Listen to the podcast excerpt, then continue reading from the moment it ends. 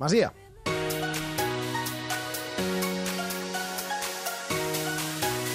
La Masia no es toca. Molts fronts i poc temps. Començant pel sorteig d'avui dels vuitens de final de la Youth League, Oriol, amb totes les patums europees. Sí, jo crec que és la Youth League més interessant des de que va començar el 2014. Quasi tots els grans clubs europeus han col·locat el seu equip als vuitens de final. Hi han duels espectaculars. Hi ha un clàssic anglès, Liverpool-Manchester United, que són dos equipassos. Hi ha un Bayern-Madrid, hi ha Paris Saint-Germain-Barça, mm -hmm. que el Barça ha tingut mala sort, perquè, bueno, per si la gent no ho sap, els, aquests partits, tant els vuitens de final com els quarts de final, són a partit únic. Uh -huh. I, per tant, aquí jugar com a local té una, un clar avantatge. Jo crec que és el, el que primer mires en el sorteig és si jugues com a local o no. Uh -huh. I el Barça jugar contra el Paris Saint-Germain, que últimament està entrant alguna Final Four i que té molt bon equip, la veritat és que ha tingut eh, mala sort. Uh -huh.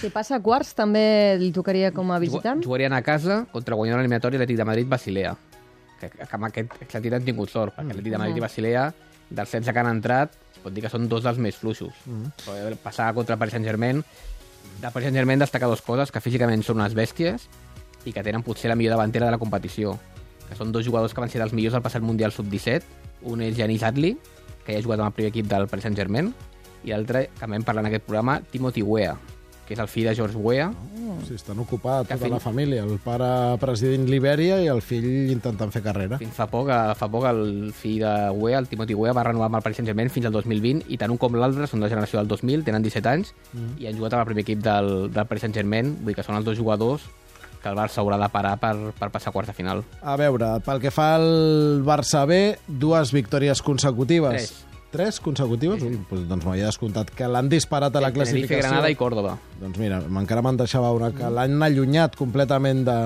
del fons de la, de la classificació. Ah, allunyat, allunyat no.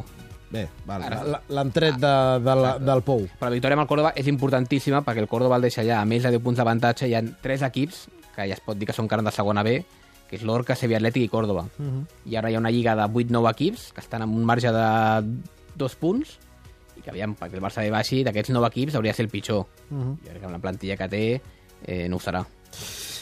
A veure, dos temes que vol posar l'Oriol sobre la taula. El primer, ja fa dies que se'n parla, però avui el Miguel Rico a la contra de Mundo Deportivo mm, diguem que, que li posa el segell de anem per aquí. La recuperació del Barça C, que se'l van carregar i ara el volen recuperar jo no entenc per què. A veure si m'il·lumineu. Van estar a punt, es va parlar amb el Gavà. Primer es va parlar amb el Llagostera, a mm. última hora amb el Gavà no es va, no es va arribar a una sortida. Recordem que l'any passat el Barça va fitxar molts jugadors, que al final s'ha hagut d'anar cedint, perquè al final la idea, la idea era fer dos plantilles, que era Barça B i Barça C.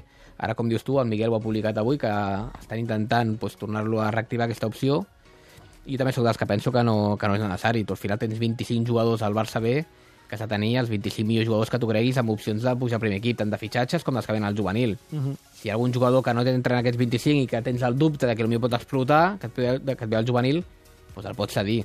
Però tenir dos equips, per mi em sembla, em sembla excessiu. Ara... I si el veus massa tendre per segona A, què fas? El cedeixes? Per, per començar, un bon jugador, d'aquests que arriben al primer equip, pot passar perfectament del juvenil al Barça B sense cap mena de problema. Això que diuen, no, és que el canvi és molt gran. Escolta, uh -huh. tota la vida, sempre Guardiola, Amor, De la Penya, Roget... Tots han passat del Barça B al sí. juvenil A, perdó, del juvenil al Barça B, no han tingut cap mena de problema d'adaptació. Els bons sempre, no tenen cap problema. Sempre hi ha alguns casos de, de que quan acaben l'etapa uh, ju, perdó, juvenil hi ha dubtes de, sí. no, d'aquest pas gran que diem, uh, si donarà o no, i aquest pas intermig és el Barça C. Això, evidentment, Bueno, però no pots tenir un equip de 25 jugadors uh, només per dos és, o tres dubtes. Correcte, és, aquí vaig. És, és tenir un Barça C amb aquest únic objectiu d'aquests jugadors que et pots quedar amb el dubte, un jugador que ha estat lesionat, probablement, i dius, ostres, va donem-li un altre any, però no a segona A, doncs amb el Barça C. Són casos tan específics que no sé si compensa tenir un equip complet a, a, en aquest cas a tercera o segona, segona B. Que és, eh, com L'any passat crec, era segona. Era segona B. Jo crec que en cas de dubte li s'ha donat l'oportunitat al Barça B, però si no té lloc al Barça B, doncs li busques una sessió amb un equip català de segona B. Mm. Oriol, per acabar, el Xavi Campos explicava dilluns al Club de la Mitjanit en el seu gossip, allò que no podem fer spoilers, que eh, ara està, perquè ja ho es ja. podria trencar el pacte de cavallers entre el Barça i el Madrid, que no s'acostumen a fitxar jugadors del, uh mhm. -huh. dels primers equips, però tampoc dels futbols bases. I deia el Campos que compta que Florentino pot haver obert la veda. Eh, hi ha més preocupació encara de la que hi ha habitualment a, a Sant Joan d'Espí. Sobretot per la notícia que va donar el Xavi el dilluns. I a més va, va explicar que hi ha algun jugador cadet, hi ha jugador, algun jugador juvenil que el Madrid ja ha parlat amb ell. Noms, sabem? No, no va No dir nom. Jo, jo tinc entès també d'un jugador cadet que al Madrid també he parlat. Vull dir que aviam, segur que després de dilluns acabar-se de preocupació, perquè com dius tu, mai el Madrid ha fitxat cap jugador del Barça ni el Barça del Madrid. I que simplement la, la possibilitat de que el Madrid et pugui tocar jugadors, home, doncs segur que a Can Barça doncs, aquesta preocupació deu existir.